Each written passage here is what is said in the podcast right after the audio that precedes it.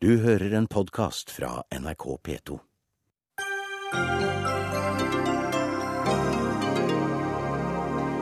Over én million syriske flyktninger lever under desperate forhold i flyktningleirer i Libanon. Nå må Norge trappe opp støtten, krever Kirkens Nødhjelp. Vi kan jobbe kortere dager og beholde dagens velferd, fortalte Brennpunkt denne uka. Vi må jobbe mer, er Civitas svar på sekstimersdagen. Den som tier, samtykker, sier Fafo-forsker om regjeringens manglende kritikk av militærregimet i Egypt. Feil, svarer Utenriksdepartementet om litt.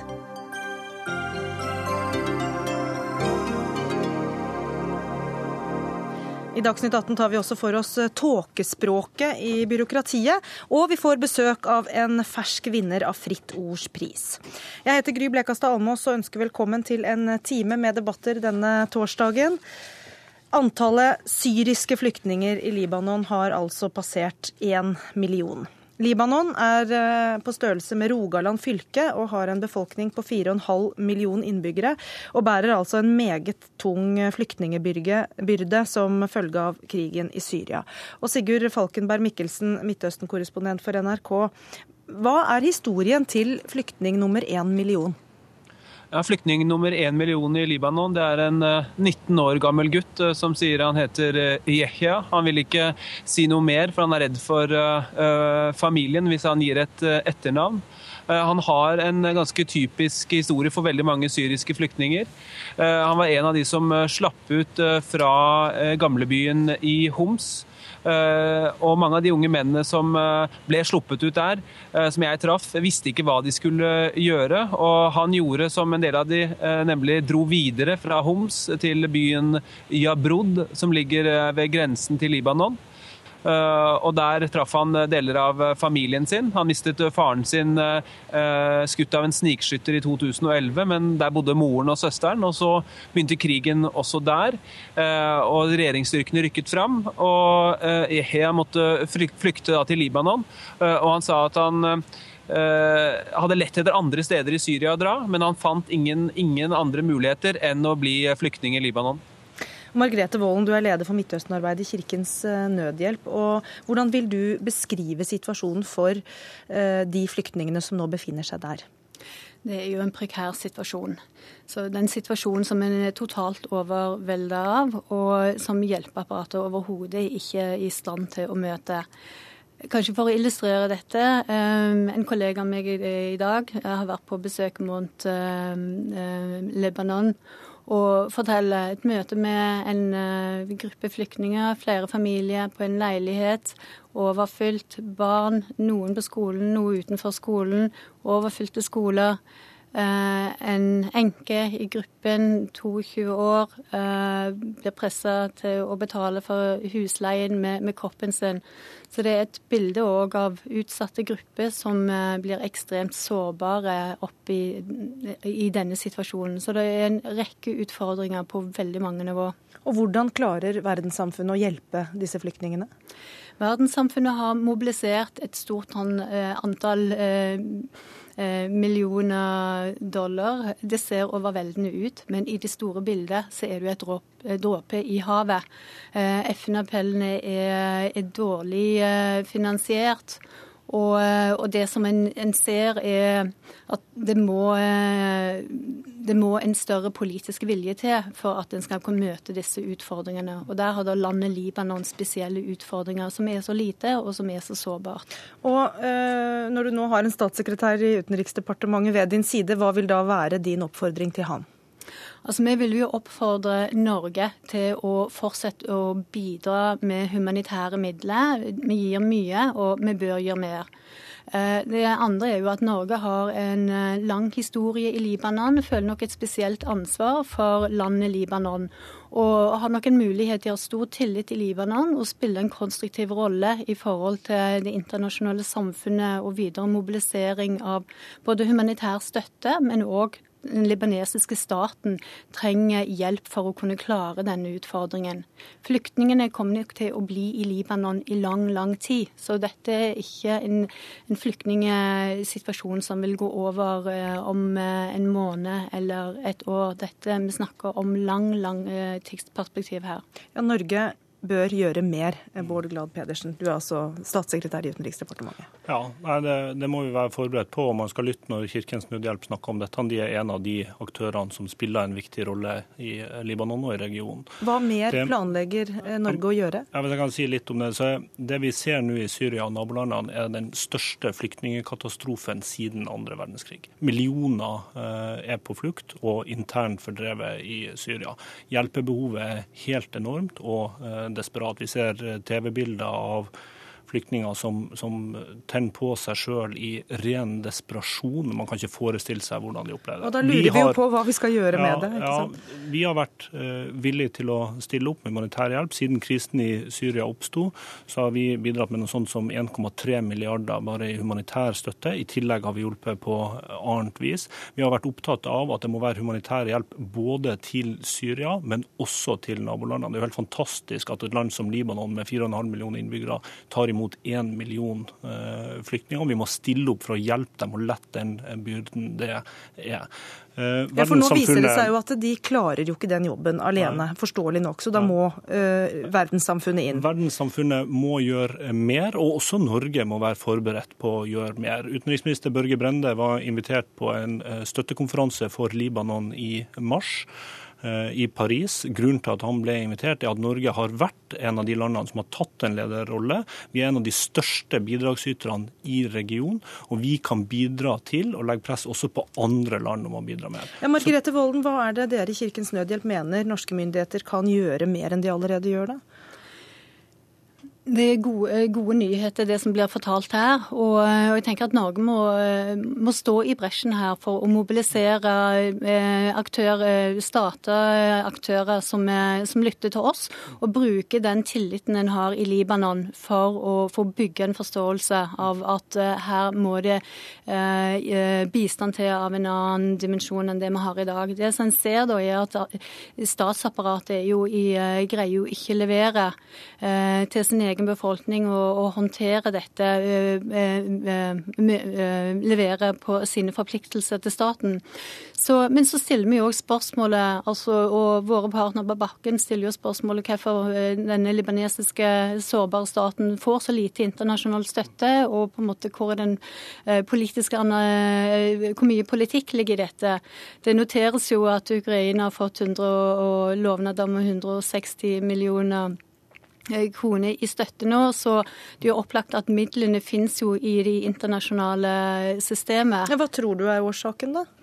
Altså, eh, det at eh, det er en eh, koalisjonsregjering der Hizbollah er en del av, av, koalisjonen, vil jeg jo tro er et forhold som har betydning for en del staters forhold til, til staten Libanon. Ja, hvor stor rolle spiller det i den direkte støtten man velger å eventuelt da, gi til staten Libanon? Overhodet ingen for vår del. Hizbollah spiller jo en lite konstruktiv rolle i regionen. At de bidrar på regimets side, bidrar til å gjøre konflikten verre, bidrar til å gjøre flyktningsituasjonen verre, men det har overhodet ingen innvirkning på vår vilje til å bidra med humanitær hjelp i denne flyktningkatastrofen. Vi må bidra humanitært fra Norges del. Vi må bidra til at flere land eh, gir mer, for at behovet er enormt. Så er det sånn at I FN så har man nå tre såkalte nivå tre-katastrofer, som er de verste katastrofene. Det er Syria, det er Sør-Sudan, det er Den sentralafrikanske republikk. Og vi må være i stand til å bidra til å løse alle disse, til å hjelpe alle disse stedene, uavhengig av hvilken krise som til enhver tid er mest på TV. Så jeg lyst, Hvis jeg kan si en ting til. så Det er ikke nok å bidra med humanitær hjelp. Det er helt nødvendig, men det er ikke nok. Derfor så bidrar vi på flere områder. Vi bidrar til uttransportering av kjemiske kjemiske våpen fra Syria, sånn at kjemiske våpen aldri igjen skal kunne brukes mot sivilbefolkninga. Det er et viktig arbeid som vi har prioritert. Så er det tredje det at det må legges et press på regimet og på partene om å finne en politisk løsning på konflikten i Syria. Og det mener du at dere gjør? Eh, det mener jeg at vi bidrar til, men det er jo en veldig fastlåst, veldig krevende konflikt. Det er viktig at vi bidrar, men så er det viktig at Russland uh, spiller en konstruktiv rolle og bidrar uavhengig av situasjonen i Ukraina. Så er det viktig at land i regionen bidrar i dette. Iran, Qatar, Saudi-Arabia, Tyrkia. At de bidrar inn og legger et press på regimet. Og så vil jo uh, situasjonen for flyktninger også avhenge av den videre situasjonen i Syria. Sigurd Falkenberg Mikkelsen, tilbake til deg. Hvordan er situasjonen i, i Syria? Hvordan ser det ut der nå? Akkurat nå så er det mest eh, spent og den mest aktive krigføringen foregår eh, i eh, Latakia-regionen, som er hjemmeprovinsen til Assad-familien. Oppe i grenseområdene til Tyrkia hvor det er harde kamper, og hvor opprørerne har innledet en offensiv og står nå faktisk ved Middelhavet. Og så har de også da tatt en gammel armensk by som heter Kassab, sånn at mange armenske kristne er på flukt. Dette er jo folk med en lang historie Eh, fra å være fordrevet eh, i Midtøsten. Mange av de som bor der, er slektninger av folk som ble fordrevet av eh, ottomanerne tidligere. Så det er også et tragisk kapittel i denne syriske borgerkrigen. Så flyktningstrømmen har på ingen måte stanset? På ingen som helst måte. Altså, det fortsetter og det tiltar i styrke. Og til Libanon så kommer det noe sånn som 2500 mennesker per dag. Det er over ett menneske i minuttet.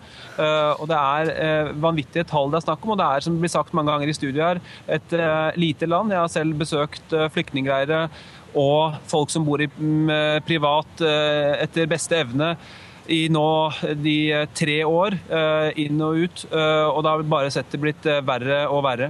Bård Glad Pedersen, altså det, dette her landet har en folkemengde på størrelse med Norge, men, er, men er, arealet er som Rogaland fylke. Mm. Kan vi på noen måte forestille oss uh, hva det innebærer uh, at så mange flyktninger kommer over grensen din? Ja, nesten ikke. Dette er altså den største flyktningkatastrofen siden andre verdenskrig. Og tenk at For bare ca. tre år siden så tok Syria selv imot uh, flyktninger, og er nå hjem til den største flyktningkatastrofen. Men mener du vi gjør nok? Nei, vi må, vi må, vi må gjøre mer mer. Eh, vi må gjøre det vi kan for å bidra i den situasjonen, og det gjør jo eh, regjeringa. Norge har lenge bidratt eh, mye.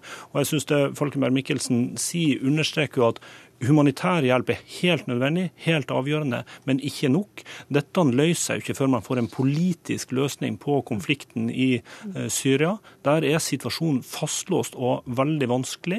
Der er det avgjørende at de partene som har innflytelse på aktørene, bruker den konstruktivt for å presse partene til eh, en løsning. Vi, gjør, eh, vi må gjøre mer, det er vi blitt enige om i, i studio her. Takk til Margrethe Volden fra Kirkens Nødhjelp. Takk også til Bård Glad Pedersen Pedersen, som nå tar plass på venterommet igjen, for å komme tilbake litt senere i sendingen, hvor han skal motta kritikk eh, for den norske utenrikspolitikken i Egypt litt senere.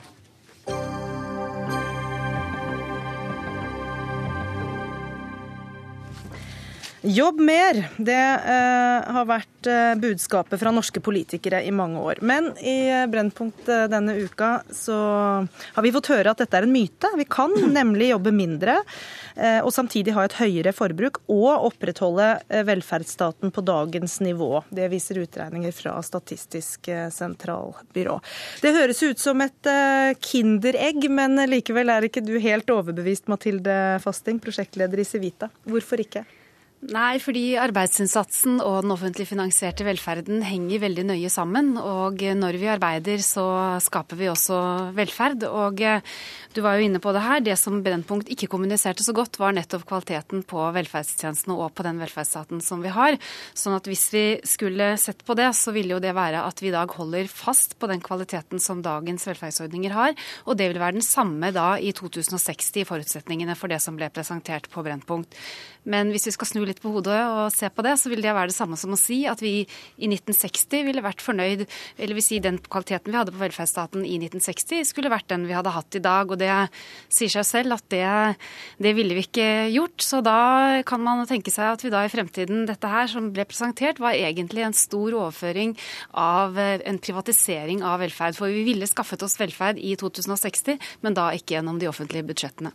Men du Rasmus Hansson, stortingsrepresentant for Miljøpartiet Miljøpartiet De Grønne eh, kunne tenkt deg en velferdsnivå på 60-tallet, eller? For du er for å kutte i arbeidstiden? 60-tallet kan eh, får du ordne med, men eh, det vi har brakt på bane, er jo at vi må, vi må begynne å stille oss spørsmålet rett og slett om hva som er velferd. Hvis velferd utelukkende skal produseres med at vi eh, jobber mer og mer og forbruker mer og mer, mens vi bruker pengene våre til å betale polakker og filippinere for å lufte bikkja og klippe de fine plenene våre, så, så er vi jo inne i et liv som begynner å fjerne seg fra velferd. og Derfor er det interessant når Statistisk sentralbyrå bekrefter det som i og for seg mange har visst før, at det går an å tenke seg ut av den spiralen og begynne å legge større vekt delvis på at velferd kan i mye større grad være tid enn penger. Og for det andre eh, så betyr jo det også noe for det forbruket eh, av ressurser som vi er en del av her i Norge, og som vi jo vet at på sikt ikke kan eh, fortsette på en forsvarlig måte. Vi er nødt til å finne en eller annen måte å, å flate ut den utviklinga på. Og det er altså helt galt at det behøver å bety dårligere velferd. Det kan tvert imot bety bedre reell velferd. Skal vi rydde opp med en gang da i hva det er Statistisk sentralbyrå faktisk eh, har eh, funnet ut av? Erling Holmøy, eh, det er du som har gjort disse beregningene. og Hvordan får du regnestykket til å gå opp? Altså at vi kan jobbe mindre samtidig som vi opprettholder et velferdsnivå? Ja, Dette er det ikke bare vi som finner. Dette finner jeg vil påstå alle som setter seg i den posisjonen at de skal fremskrive eh, sannsynlig utvikling i norsk økonomi. Fordi det som vi har lagt til grunn, er jo en videreføring av produktivitetsveksten som vi har sett bak oss. Ikke spesielt optimistisk, ikke spesielt pessimistisk. Og det er altså sånn at det skapes større verdier hvert eneste år, selv om vi ikke yter mer innsats. Og Tradisjonelt så har dette blitt tatt ut eh, både høyere forbruk per innbygger, men også noe kortere arbeidstid. Og Det er viktig å få frem her at uh, dette er jo Vi har ikke sett på endringer i ferielov eller den typen ting, men det er at folk over tid selv velger å, å, å jobbe noe mindre. Ja, så Hvis vi da uh, går ned til seks timers arbeidsdag, uh, hva blir konsekvensen av det? Hvordan ser samfunnet vårt ut da om 20 eh, år eller noe fram i tid? Her er det viktig å huske på at her skjer flere ting samtidig når vi flytter oss fremover i tid. Vi går ned i arbeidstid i denne beregningen, sammenlignet med å videreføre dagens arbeidsinnsats. Men samtidig så er det sånn at hver arbeidstime produserer flere varer og tjenester enn vi før gjorde. Slik at selv om vi jobber kortere, så blir det altså mer produsert likevel. Og det er der eh, det opplagte ligger, men samtidig så er jo det magisk. Vi vet jo egentlig ikke så mye om hva som gjør at vi er blitt så mye rikere som vi har blitt. Men hva, hva er kostnaden med For dette høres jo flott ut, at vi kan jobbe mindre og likevel produsere like mye. Hva er kostnaden ved en sånn ordning, da? Ja, det er ikke noe kostnad ved at vi får mer manna fra himmelen som gjør at vi får flere produkter. Det er det i seg selv ingen kostnader ved. Eh, så det som du... Jeg tenker på for, for, velferdsstaten, for samfunnet. Må vi betale mer skatt f.eks. For, eksempel, for å få hjulene til å gå rundt, for å få opprettholdt skoler og sykehus osv.? Ja, altså, isolert sett så er det sånn at hvis vi reduserer arbeidstiden, så, så blir det betalt mindre skatter. Vi produserer mindre av alt det som genererer skatteinntekter. Og så lenge vi da vil opprettholde offentlig velferd på dagens nivå, og til og med la de flere eldre få det samme velferdsnivå som i dag, så er det sånn at offentlige utgifter skal være som eh, de, de, de, de da utgjør en større, relativt større del av økonomien enn om vi hadde jobbet mer. Men altså skattene må øke på lang sikt uansett, men de må også øke noe mer jo mer fri man tar. Mm. Og da Rasmus Hansen, lurer jeg på hvordan eh, du skal få overtalt det, det store flertallet av befolkningen til å ønske å betale mer skatt. For det første er det altså sånn som det er påpekt at det store flertallet av befolkningen velger allerede eh, å gå eh, litt ned i arbeidstid når de kan velge det. Eh, og så er det ikke nødvendigvis helt sikkert at vi må betale fryktelig mye mer skatt. Det kommer an på lønnsutvikling og koblingen mellom lønnsutvikling og kostnader for ting. Og så er det ett ganske vesentlig punkt til, og det er at det at vi ikke driver lønnsarbeid det betyr ikke at vi vil drive lediggang. Det betyr at vi får tid til eh, å gjøre oppgaver som i dag kjøpes. Eh, særlig innenfor det sosiale feltet, og dessuten innenfor kultur og mye annet. Så dette er et mer komplisert regnestykke eh, enn som så, som slett ikke nødvendigvis kommer ut med at, at alle må betale fryktelig mye mer skatt.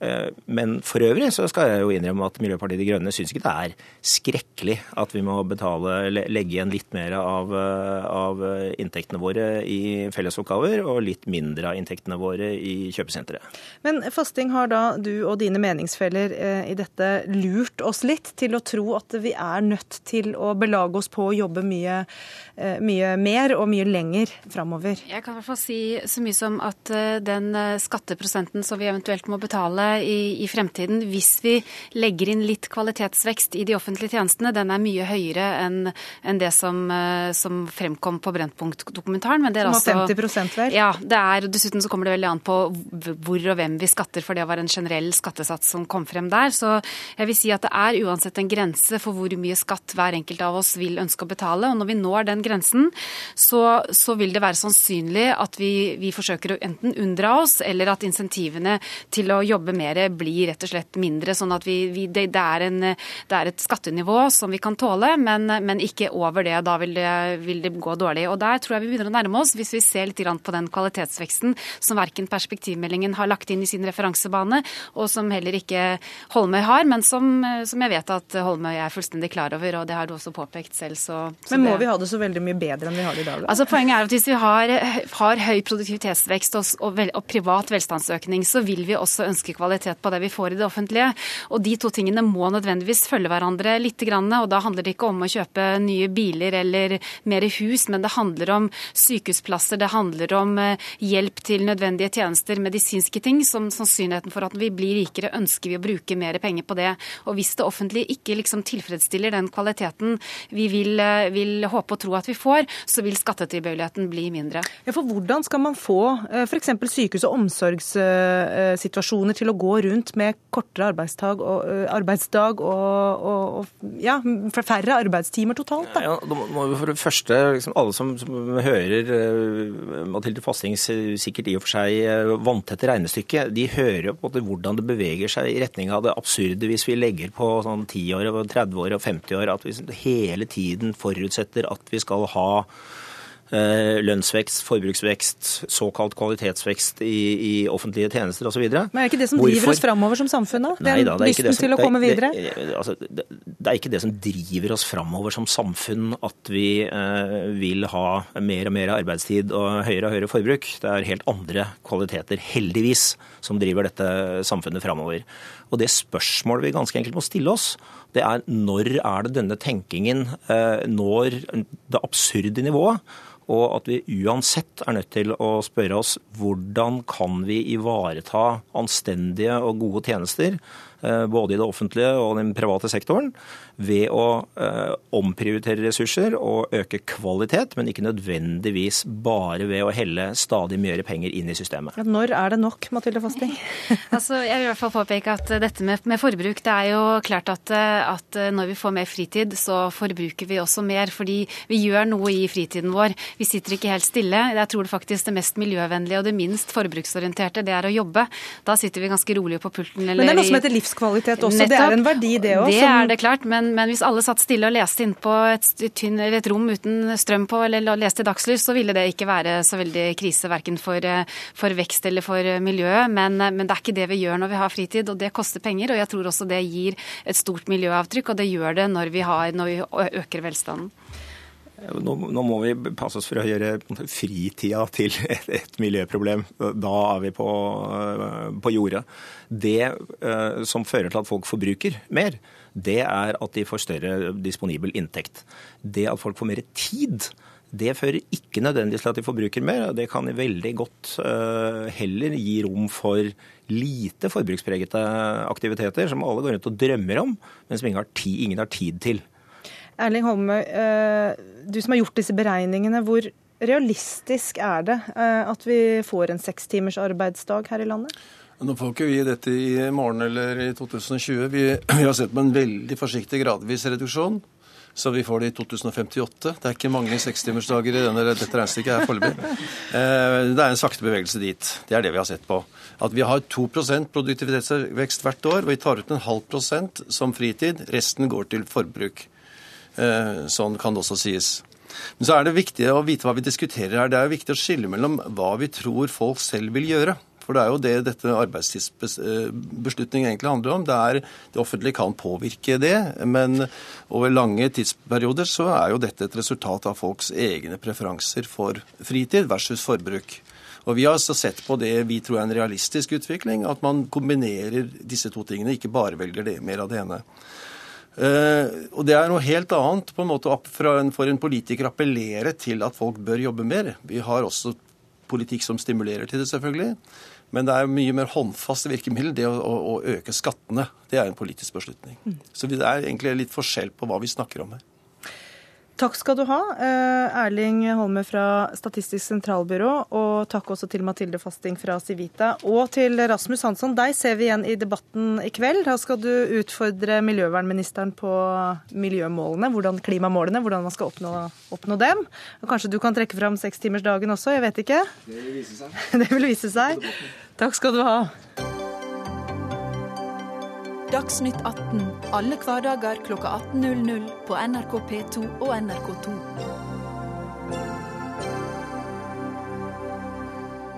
Om tåkespråket i byråkratiet litt senere i Dagsnytt 18. Kommunikasjonsrådgiver hevder det er universitetene som lærer fremtidige byråkrater å drukne klare budskap eh, i forbehold. Men nå om norsk utenrikspolitikk. Det blir heretter vanskeligere å se på Norge som en seriøs fredsaktør i Midtøsten pga. manglende kritikk av militærregimet i Egypt. Det mener en av våre neste to gjester. Siden militærregimet tok makten i Egypt i fjor sommer, har over 1400 demonstranter blitt drept. For halvannen uke siden ble 529 tilhengere av den avsatte presidenten Mohammed Morsi dømt til døden, og ytterligere 700 Morsi-tilhengere risikerer det samme i en ny rettsrunde denne måneden. Kristian Takvam Kint, forsker ved Fafo. I en artikkel på NRK Ytring skriver du at regjeringen stilltiende aksepterer dette militærregimet. Hva mener du med det? Jeg mener er at Siden Børge Brende overtok som utenriksminister, så har det skjedd en dramatisk forverring i autoritær retning i Egypt. Du nevner en del av eksemplene. Demonstranter blir drept, journalister fengslet osv. Listen er lang. Også alle opposisjonelle presidentkandidater har trukket seg og innsett at det ikke er noe vits, fordi at det ikke er en demokratiprosess lenger. Og Før disse 529 ble dømt til døden, så har Utenriksdepartementet offentlig kun reagert på dette med to pressemeldinger, hvor de sier at de er bekymret for ytringsfrihetens kår. Mens f.eks. at nettopp drap på demonstranter osv. får forbigå uten noen kommentar. Og Du skriver at dette ikke bare er prinsipielt problematisk, men at det også er dårlig utenrikspolitikk. Hva mener du med det?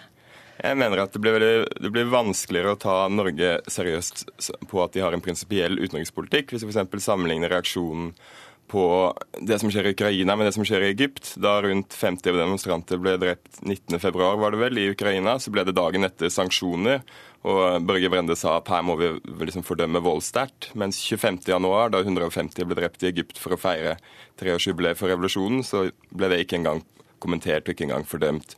Og Det er klart det er vanskelig å, måte, ta, ja, det er vanskelig å ta det helt seriøst hvis man sier at man har en prinsipiell utenrikspolitikk når man reagerer så ulikt på to sånne hendelser. Og da har vi fort Bård Glad Pedersen, som er statssekretær i Utenriksdepartementet fremdeles, tilbake i studio. Og hva sier du til disse påstandene? Jeg sier at Han har helt rett når han beskriver den bekymringsfulle menneskerettighetssituasjonen i Egypt. Og så tar han feil når han beskriver manglende engasjement fra den norske regjeringa. Eh, jeg tror ikke at engasjement best måles i antall eh, pressemeldinger, men vi har altså sendt ut ca. én pressemelding i måneden siden vi eh, tiltrådte. Jeg tror det er fem til sammen. Men, jeg tror ikke det er den beste målingen. Vi har vært villige til å si offentlig hva vi mener om dette. Vi har vært veldig tydelige på det helt uakseptable at over 500 etter en summarisk rettssak der ikke alle var møtt opp en gang, ble dømt til døden for ei ukes eh, tid siden. Men det er ikke det viktigste vi har gjort. Det viktigste vi har gjort, er at vi har tatt det opp i direkte dialog med egyptiske myndigheter, og at vi har tatt det opp i FNs menneskerettighetsråd sammen med andre land. Utenriksminister Børge Brende har møtt sin kollega i Egypt eh, to ganger, tatt opp menneskerettighetssituasjonen og bekymringer for den begge gangene. I FNs menneskerettighetsråd sin plenumsesjon for en måneds tid siden så tok vi opp Egypt spesielt spesielt i Norges innlegg, og vi står sammen med andre land med et eget innlegg om Egypt. Fordi at situasjonen er bekymringsfullt, og det er viktig at vi klarer å ha en dialog med egyptiske myndigheter om disse eh, spørsmålene. At vi kan bidra til å eh, legge et press. Og så er det en ting til som er viktig. Det er å ha et samarbeid med sivilsamfunn i Egypt, som er de som uh, føler disse menneskerettighetsbruddene på uh, kroppen, og som trenger vår støtte i sin, sitt arbeid for menneskerettigheter. Ja, Her får vi jo en følelse av at det, det gjøres ting på flere nivåer. Ja, altså det, er, for første, det er riktig at det kom fem pressemeldinger, men jeg telte ikke med de som sa at det var reiseråd mot Egypt, for det er såpass farlig å dra dit. og at det...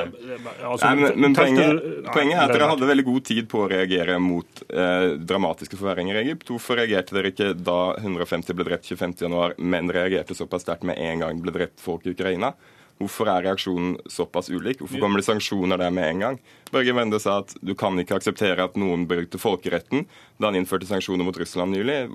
Kan man, måte, hvilke, det kan ikke skje uten konsekvenser. Hvilke konsekvenser skal det få at det egyptiske militærregimet åpenbart tar utviklingen i en autoritær retning. Dette er på en måte, det kan ikke måles best i offentlig uttalelse, men dette er såpass dramatisk at det fortjener mer offentlig fordømmelse enn det som har skjedd. Jeg tror debatten tjener på at vi går forbi og teller antall pressemeldinger. Vi har fordømt uh, angrepene i Kairo som var i januar. Vi har tydelig, sagt tydelig fra at det var uakseptabel den rettssaken som nå var. Men hvorfor men er det så mye tydeligere når det, når det, i, i Ukraina-situasjonen? Hvorfor er det så mye kjappere og tydeligere?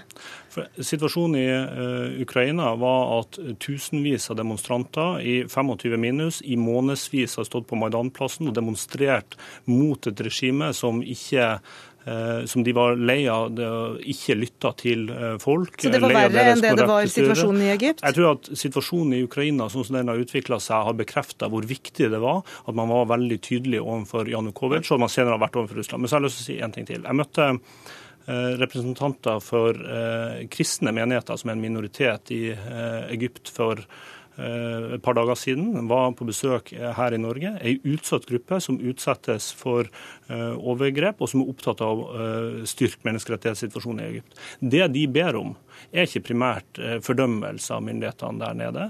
Det er ikke sanksjoner sanksjoner, den type tiltak. Det er at vi støtter sivilsamfunnet i Egypt, og at vi har en aktiv dialog med myndighetene eh, i landet for å bidra til å legge et press om det. Det er ikke alltid sånn at det beste menneskerettighetsarbeidet er det som gir størst overskrifter i avisen. Vi må være villige til å gjøre det arbeidet som gir best resultater, og da må vi lytte til de som berøres av situasjonen i Egypt, når vi utformer den politikken. Ja, hvis vi skal lytte til de som berøres av situasjonen i Egypt, så er det veldig mange som kaller på det internasjonale samfunnet til å ta mye hardere reaksjoner enn det som er nå. Da, så vi står ikke alene som forskere her for å gjøre dette. Det er også bredt miljø av folk i Norge som har bedt om det. Bredt miljø internasjonalt som har sendt brev til Obama om å ha mye hardere sanksjoner.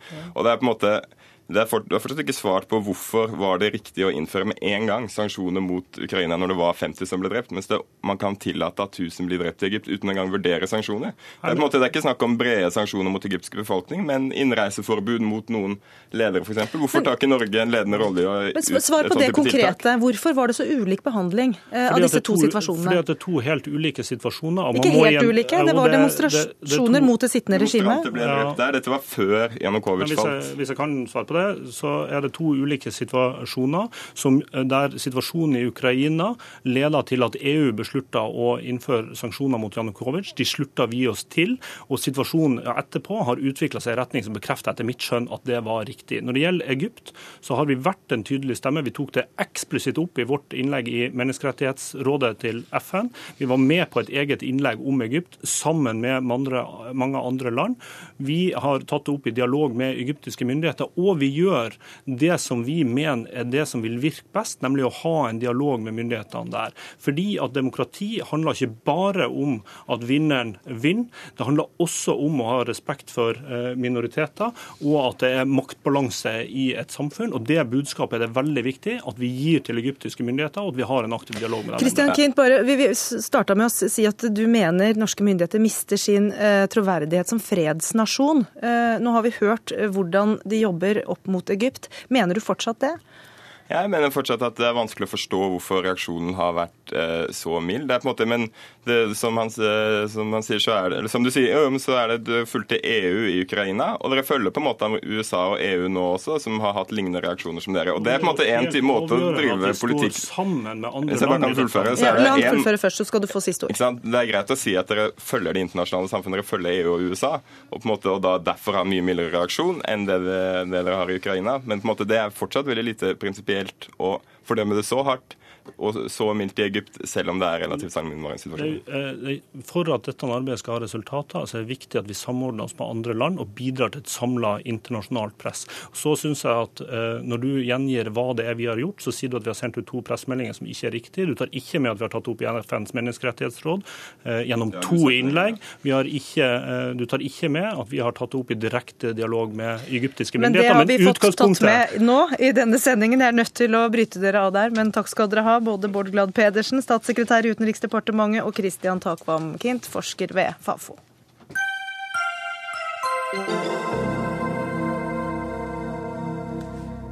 Jens Stoltenberg burde takket nei til Nato-jobben. Det mener Bjørnar Moxnes i Rødt, som eh, ikke overraskende kanskje får motbør for den påstanden litt senere i sendingen. Fritt Ords pris for 2014 eh, går til vår neste gjest. Begrunnelsen er at hun har løftet fram den jødiske minoritetens historie i Norge, og for at hun i en årrekke har eh, arbeidet mot antisemittiske holdninger. Og da gratulerer vi deg, Anne Sender. Tusen takk skal du ha.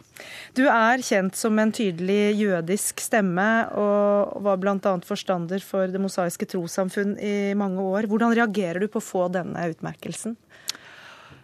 Jeg syns det er veldig stas på egne vegne, og jeg er veldig klar over at jeg står på skuldrene til mange som har jobbet for dette i både vårt eget trossamfunn og miljøer utenfor oss. Så mm, jeg tenker at eh, i et grunnlovsår eh, og paragraf 2s fokus eh, som det bør og skal ha, så tenker jeg at det er veldig riktig. Så du syns det er fortjent? Jeg syns det er bra, og jeg syns det er fortjent. Så bra. Ja. Eh, en av de som har vært med å utnevne deg til denne prisen, sitter i studio hos meg her. Styremedlem i Fritt Ord og direktør ved Holocaust-senteret, Guri Hjeltnes. Eh, hvorfor får Anne Sender Fritt Ords pris? Aller først gratulerer til deg, Anne Sender. Jeg har ikke snakket med deg i dag. Gratulerer. Ja, tusen takk. Eh, Fritt Ords styre har eh, Det er en glede hvert år å gi Dette er Fritt Ords høyeste utmerkelse, som deles ut den 8. mai eh, hvert år. Å gi til en stemme i offentligheten som betyr noe, har betydd noe. Anne Sender er en slik stemme. Begrunnelsen vår er at hun i en årrekke har løftet fram den jødiske minoritetens liv og virke her i Norge. Og eh, fordi hun også i årtier har arbeidet mot antisemittiske holdninger. Og Dessuten så har styret valgt å legge vekt på i sin begrunnelse at hun som jødisk har modig, selvstendig rettet søkelys og kritisk søkelys på den politikk som er ført øh, av israelske og palestinske ledere i konfliktområdet. Hun har jo selv vært observatør på Vestbredden. Eh, og Det er jo selvfølgelig aktualisert at vi i fjor kunne lese Anne Senders bok 'Vår jødiske reise', hvor hun skriver om eh, den felles, eh, felles, reisen som menigheten har hatt, denne minoriteten har hatt i Norge. Og Derfor ønsket vi å løfte dette fram. Vi skal høre litt fra Anne Sender om det, men, men før vi går tilbake til henne, så vil jeg bare høre Du sier hun har vært modig, er en av begrunnelsene. Hva er det som har vært så modig i det arbeidet hun har gjort? Hun har vært synlig selvstendig. Eh, hun skriver jo selv eh, at hun og mange debatter hun hadde som leder eh, det, som forstander i Det mosaiske trossamfunn. Hun skriver hvordan hun ønsket å komme ned til Midtøsten til Vestbredden. At hun da gjennom Kirkens Nødhjelp eh, kom med og var observatør. og det er, det er, ikke spesielle ting Fritt Ord har gått inn til, men det er hele det at hun selv satte den posisjonen. Hun ville se med egne øyne. Hun bruker et uttrykk 'se med begge øyne'. Hun har jo drevet dialog i mange mange år, eh, og hun er typisk nok dag så er Anne Sender i Kristiansand på kirkemøte i full vigør. Så, så, godt er det. Dette er ikke en prisvinner som hviler på sin laurbær. Men, men, eh, det at hun da har uh, vært der nede, og det er sånne små observasjoner Jeg tittet så vidt i denne erindringsboken hennes nå, og, og, det er en sånn liten observasjon hvor hun da var uh, flere, flere, ganger altså vakt ved kontrollpostene der palestinerne kom inn i Israel, og hvordan hun da Eh, bokstavelig talt ble dårlig av å se den behandlingen. Og dette har hun formidlet. Da hun kom tilbake, så skrev hun kronikk i Vårt Land, og så senere denne boken. Og dette har jo vakt stor debatt.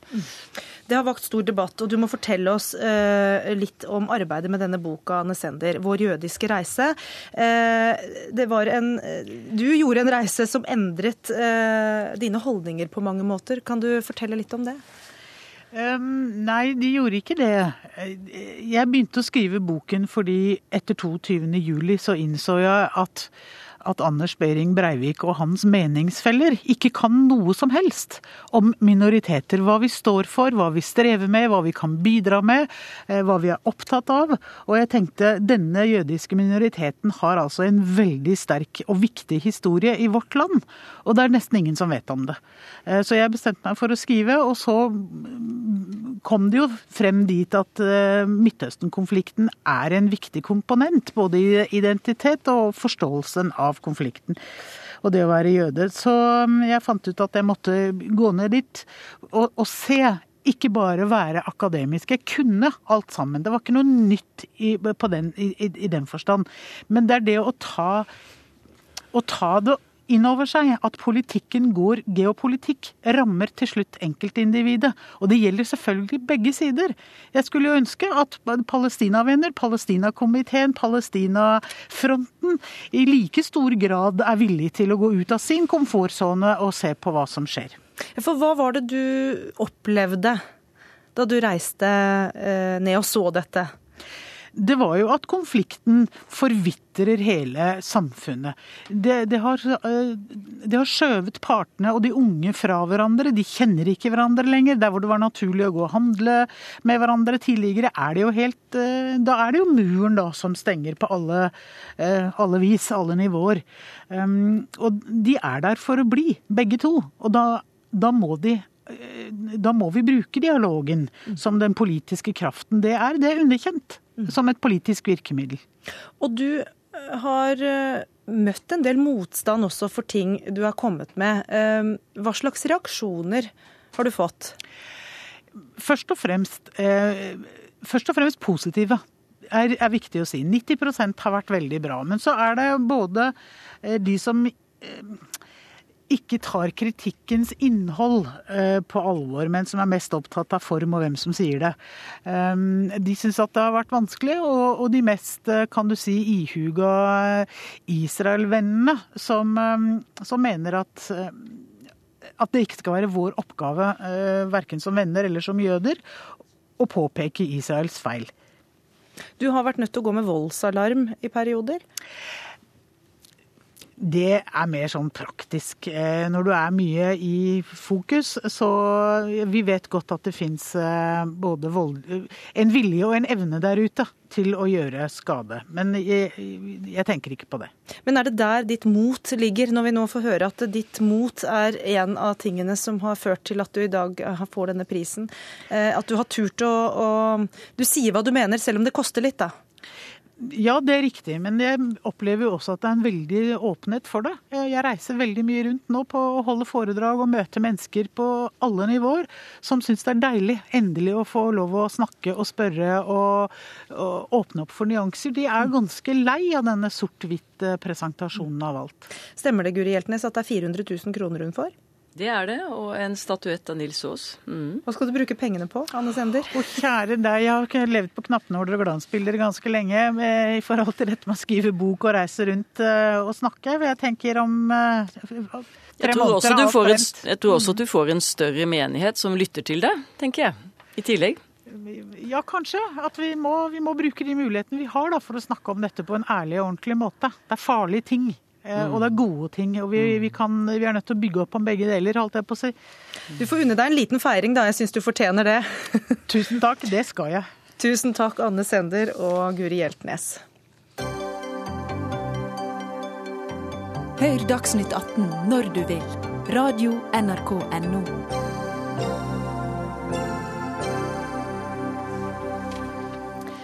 Jens Stoltenberg ble gratulert av et samlet politisk Norge da han fikk toppjobben som Nato-sjef eh, i forrige uke. Han begynner jo den jobben 1.10. Men eh, du, Bjørnar Moxnes, leder i Rødt, mener at han burde ha takket nei til den jobben. Hvorfor det? Nei, altså Det er jo fordi at, eh, at Nato er jo, rår over 70% av verdens militære slagkraft.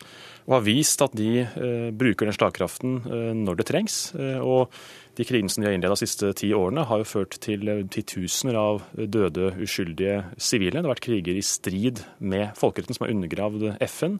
Eh, og det er også eh, sånn at Norge som et lite land, i hvert fall på sikt, har interesse av en verdensorden hvor ikke den sterkestes rett gjelder. Og Nato er den sterkeste rett, og Nato bryter folkeretten. Og Nato har også vært ansvarlig for mange mange tusen uskyldige menneskers eh, liv.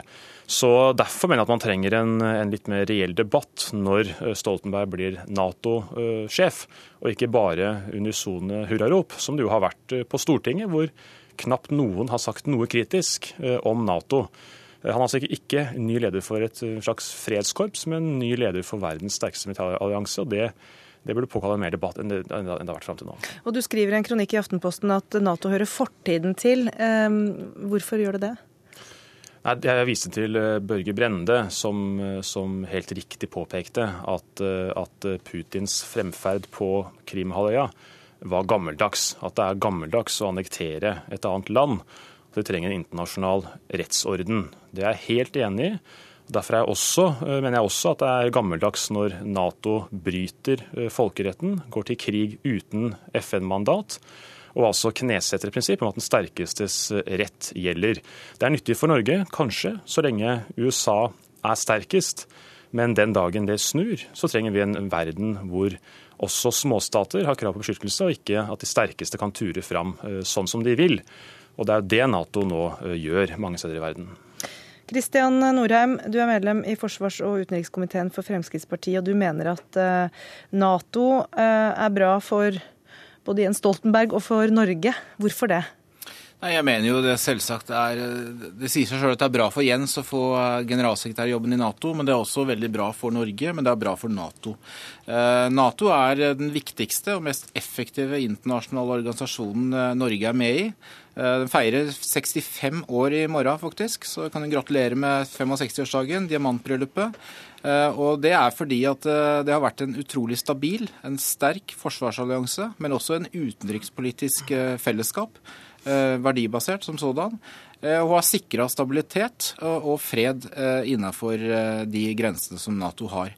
Og Så har man også gått utenfor Natos nedslagsområde ved noen anledninger. Men det har først og fremst vært en viktig forsvarsallianse. Og den er helt, det er hjørnesteinen i norsk sikkerhets- og forsvarspolitikk vi snakker om. Og jeg syns det blir ganske naivt å, å, å snakke som om, om, Europa eller verden ville vært et bedre sted uten Nato. Nato er for viktig, og den er eh, til, å, til, å, gi opp. Og den er faktisk enda viktigere nå enn den var for eh, 65 år siden da den ble etablert. Er du naiv, Moxnes? Nei, det, det, som er naivt, vil jeg si, er jo at man som politiker i et lite land støtter en allianse som, som bryter folkeretten, og som også svekker, svekker en FN-leda verdensorden. Paradokset er jo at det Nato som i sin tid SV ble stifta i opposisjon mot, det Nato som, som AUF var mot i mange tiår Deriblant Jens Stoltenberg, ja, ja, ikke sant? Det var jo, det var jo et Nato som som tross alt da, i hvert fall ikke gikk til brutale angrepskriger utenfor eget territorium. Mens det Nato som Jens Stoltenberg tar over i dag, i, i 2014, det er jo et Nato som har gitt seg selv rett til i sitt eget charter å gå til krig, også uten FN-mandat, utenfor eget territorium, for å sikre bl.a. flyten av ressurser til Nato-landene. Dette er jo en politikk som også Frp er bekymra for. fordi at hvis, hvis det blir rådende rett i internasjonal politikk, så vil vi oppleve mange brudd på folkeretten, og at også små stater blir overkjørt av de større statene. Altså jeg mener Det er ekstremt viktig for Norge som en uh, liten stat uh, i til tider urolig verden å være medlem av Nato. Uh, og Det har jo ikke minst blitt aktualisert med den krisen vi nå har sett i Ukraina, der hvor et, et Russland struttende av ny selvtillit og på en ganske aggressiv måte har gått inn og tatt et bit av et annet land. altså Hva kan Ukraina. Nato gjøre med den situasjonen, da? Nei, men altså, kan du si det sånn, ville, Hvordan ville vi stilt oss, eller hvordan ville det sett ut dersom vi ikke vi hadde Nato? Dersom Norge ikke var medlem av Nato? Norge er jo også det landet som da aldri har vært i krig med Russland, og det er en god ting. Vi har et godt forhold til Russland tradisjonelt og historisk. Men vi er også det som da ligger nærmest Russland. Vi har da en del områder oppe i nord som betyr ganske mye. Og jeg tror også det man måtte lære av den situasjonen her, er at det blir viktigere enn før å, å konsentrere ressursene i Nato og samarbeide. Vi er enige stort sett alle om at vi skal ha et godt og stabilt forsvar. Og Da er det også klokt å samordne ressursene og gjøre det sammen med gode allierte. Og Der er da Den viktigste ryggmargen i, i, Nato er da USA. Vi skal være veldig glade for at USA spiller den rollen den gjør. Vi har mye å takke USA for. Ja, Det spørsmålet kan jo rettes til, til alle de som, som, er pårørende for de som har mista livet som følge av Natos brutale kriger utenfor eget territorium. Når det gjelder det Norheim sier, så er det i hvert fall, i hvert fall to ting å svare, å svare, på det. Det ene er at i forhold til Russland, så er det, sånn at det er jo Nato som gjennom de 20 årene etter murens fall har ekspandert offensivt østover. De lovte jo da i sin tid Gorbatsjov å ikke ekspandere en centimeter østover, og har siden innlemma tolv stater som ligger øst for, for Nato. Og en, en, fyr som John Mersheimer i New York Times sier jo at eh, Natos ekspansjon østover eh, provoserer fram spenninger eh, med Russland og er også farlig eh, på lengre sikt. Og så mener jeg også at eh, Når vi snakker om, om norsk forsvarsevne, så ser vi at Nato-medlemskapet eh, bestemmer jo veldig mye av norsk forsvarspolitikk. Deriblant at Norge nå bruker 260 milliarder over 30 år på å kjøpe bombefly fra USA. Noe som vil, eh, vil, styrke angrepsevnen vår, men som ikke trengs for å styrke forsvarsevnen av Norge. Så det binder altså opp ressurser som ellers kunne gått til å styrke forsvaret av Norge, og ikke angrepskapasiteten. Men jeg må bare spørre deg, for at Du og, og Rødt da, står jo ganske alene i denne kritikken om, mot Nato. og mm. Hvorfor det, tror du?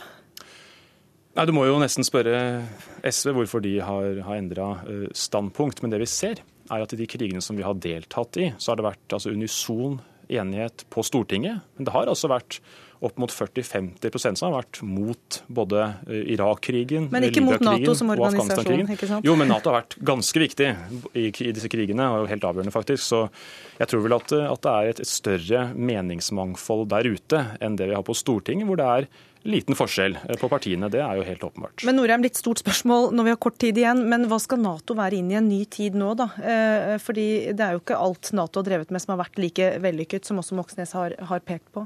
Hvordan skal ja, det, Nato tenke framover? Det har da ikke de samfunnene Nato har etablert seg heller. Jeg vet ikke om vi skal spørre Saddam Husseins ofre, eller om vi skal spørre ofrene for Taliban eller ofrene for uh, Slobodan Milosevic eller, eller, de andre ofrene for regimer som kanskje eh, forgjengeren til partiet Rødt har vært tidligere forsvarer av. Men hva skal man drive med? Altså Man skal i hvert fall eh, fortsette eh, å samarbeide gjennom eh, å bygge allianser.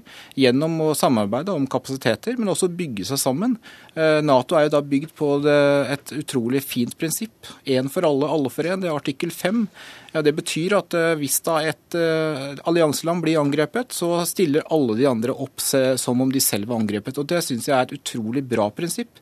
Og Nato er da først og fremst en, en fredsbevarende allianse og da ikke en angrepsallianse som, eh, som, det virker ganske virkelighetsfjernt å fremstille det som. Hvis man husker disse krigene som har vært, så ser man at Nato definitivt har vært en angrepsallianse, og ikke et fredskorps som Frp muligens tror at de er. Uansett hvordan man ser Nato, så har det altså bursdag etter hva jeg forstår på deg da i morgen, men jeg tror diamantjubileet er 60 år, så jeg vet ikke hva 65 er da.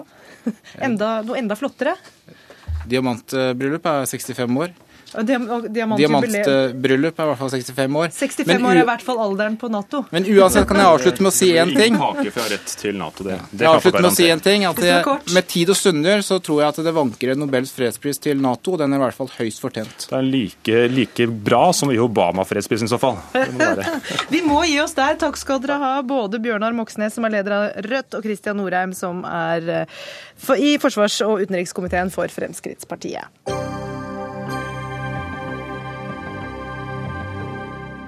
Fordi nå skal det handle om språk, nemlig. Tidligere denne uka sa kommunalminister Jan Tore Sanner at han ønsker å bli kvitt tåkespråket blant uh, byråkrater. Han vil sende byråkratene altså på skrivekurs, slik at folk kan forstå hva uh, kommunene prøver å kommunisere. Og i dag følger du opp kommunikasjonsrådgiver Margrethe Gelmeiden med å legge skylda på universitetene. Hva er det de gjør galt? Ja, Universitetene fyller jo en viktig rolle i samfunnet med å gi folk kunnskap. Men eh, da er det jo også viktig at de som får den kunnskapen, klarer å formidle den til også folk som er utenfor akademiet. Jeg har eh, lest mange tusen søknader faktisk fra folk som har søkt jobb, som kommer rett fra akademiet, og har sett hvordan de skriver. Og det er eh, nokså leit å se at disse menneskene som har gått så lenge på skole og lært så mye, de de klarer ikke å uttrykke seg rett fram. De klarer ikke å kalle en spade for en spade og si ting som de er. Hva, kan du gi noen eksempler på hvordan de uttrykker seg? Eh, de bruker eh, Det er som om de tror at hvis man sier ting rett ut, så fremstår de dumme eller uh, lite seriøse. Så de bruker mye floskler, mye lange setninger, mye passive verb. Uh, de skriver rett og slett uh, uforståelig og har problemer med å konkludere, som om de ikke er vant til å komme med konklusjoner og komme til poeng. Men hvordan er det universitetenes feil? På universitetet så, så skriver de jo ikke så mye. De leser mye, og så skriver de eh, masteroppgaver, og så skal det da være på et akademisk språk. Og i det akademiske språk så skal du sørge for at du ikke sier noe som du ikke kan dokumentere, eller du ikke kan referere til en bestemt bok. Og du må være veldig varsom med å si noe. Du må være veldig varsom med å komme med påstander. Eh, og når de holder på med denne formen for skriving i mange år, så, så, mister de rett og slett evnen til å komme med påstander og trekke konklusjoner. Og det blir mye forbehold. Professor ved Økonomisk institutt ved Universitetet i Oslo, Karine Nyborg. Eh, hvor stort fokus vil du si dere har på språk i undervisningen? Eh, jeg tror ikke vi har veldig stort fokus på språk i undervisningen. Nå er det spørsmål hvor mye vi kan gjøre det. Fordi det er som regel noe annet de er kommet til oss for å lære. Men det er klart at eh, vi, eh, det er et problem hvis ikke vi klarer å, å lære dem å forklare andre hva de har lært. Kjenner du deg igjen i beskrivelsen av et uh, tåkete språk fra byråkrater, som da kommer fra bl.a. din institusjon? Jeg kjenner meg absolutt igjen i beskrivelsene av uh, tåkete språk fra byråkrater. Ikke alle, men mange. Uh, jeg kjenner meg også igjen i beskrivelsen av tåkete språk fra eh, mange akademikere og studenter. Nå er jeg ikke sikker på om dette er noe de egentlig lærer hos oss. Eh, men det er vel kanskje snarere et problem som vi ikke har klart å fjerne. Eh, Så du tror de kommer inn holdt på å si med tåkespråket, eh, mm. inn i utdanningen? Så jeg tror ikke problemet er at vi lærer dem å ta forbehold og se nyanser og, og ikke, ikke, alltid være rett, rett, rett fram. Og jeg tror ikke problemet er at vi ødelegger et naturlig, klart og godt og presist språk som de hadde da de kom inn. Eh, tvert imot så syns jeg veldig ofte at eh, de studentene som kommer inn til oss, de, eh, de uttrykker seg på en måte som er ofte veldig vanskelig å forstå. Veldig lett å misforstå. Nettopp fordi de ikke ser eh, nyansene i det de selv sier, eh, ofte er vage, ikke ser hvilke forbehold de må ta. Men jeg tror mye av problemet er at det å være enkel om kompliserte ting, det er en kunst. Og det er en veldig, veldig krevende og vanskelig kunst. Eh, som eh, krever mye trening å opp, eh, opparbeide seg. Og det krever mye arbeid. Selv hvis du er trent, så krever det mye arbeid hver gang du skal bruke den kunsten og gjøre det ordentlig. Og det er veldig fristende å hoppe over det leddet når du skal forklare noe komplisert. Og det tror jeg mange av våre studenter gjør. Ja, Margrethe Gelmen, kanskje du må rette skyttet ditt lenger ned i utdanningsrekka her? Nei, jeg, jeg tror ikke det. Fordi universitetene skal jo lære folk Eh, det er jo de store utdanningsinstitusjonene vi har. Jeg tror barn har et mer, og skriver et mer naturlig og likefram og forståelig språk enn det eh, mange studenter gjør når de kommer ut av universitetet. Eh, men problemet på universitetet Det er jo helt riktig som Karin Nyborg sier, at det krever trening å bli god i å skrive. Men man får veldig lite skrivetrening på universitetet. Man går der lenge. Har, eh, du kan gå et helt semester, levere ingenting, og så har du en eksamen. Er ikke det et poeng at man kanskje bør trene mer på å skrive, rett og slett? Jo, jeg er veldig enig i det. Eh, vi jobber med dette på mitt institutt. Vi er på langt nær i mål. Eh, jeg, opplever det som et stort problem at våre studenter har for lite skrivetrening når de skriver masteroppgaven sin, som er helt på slutten av studiet for de som studerer lengst. Mm. Uh, Men er det egentlig et mål at man skal det... som byråkrat etter hvert da, uh, uttale seg i one-liners og, og, veldig sånn kort og presist? Er det ikke greit at det fins arenaer for uh, litt både og og litt forbehold, da? Som byråkrat så må du jo Du representerer jo myndighetene. Og vi som borgere vi trenger jo å vite hva myndighetene står for. Vi trenger å vite hvilk, og forstå de reglene vi skal forholde oss til. Vi trenger å forstå makten som utøver makt over oss. Så det å kunne uttrykke seg tydelig i samfunnet, det er svært viktig. Og det er et demokratisk problem hvis vi har eh, et byråkrati som vi ikke skjønner. Det ja, Skal du ha en kort siste kommentar? Nå er vi snart ferdig med sendinga. Ja, jeg, jeg, jeg, er veldig enig med det, men, i, i, det, men det er også viktig at byråkratene selv skjønner kompleksiteten i det de skal formidle. Så vi må ha med begge deler. Vi må begynne der. Takk skal dere ha, Karine Nyborg og Margrethe Gelmøyden. Ansvarlig for Dagsnytt 18 i dag var Ida Tune Øretsland. Teknisk ansvarlig Hanne Lunås. Her i studio takker Gry Blekastad Almås for følget. Du har hørt en podkast fra NRK P2.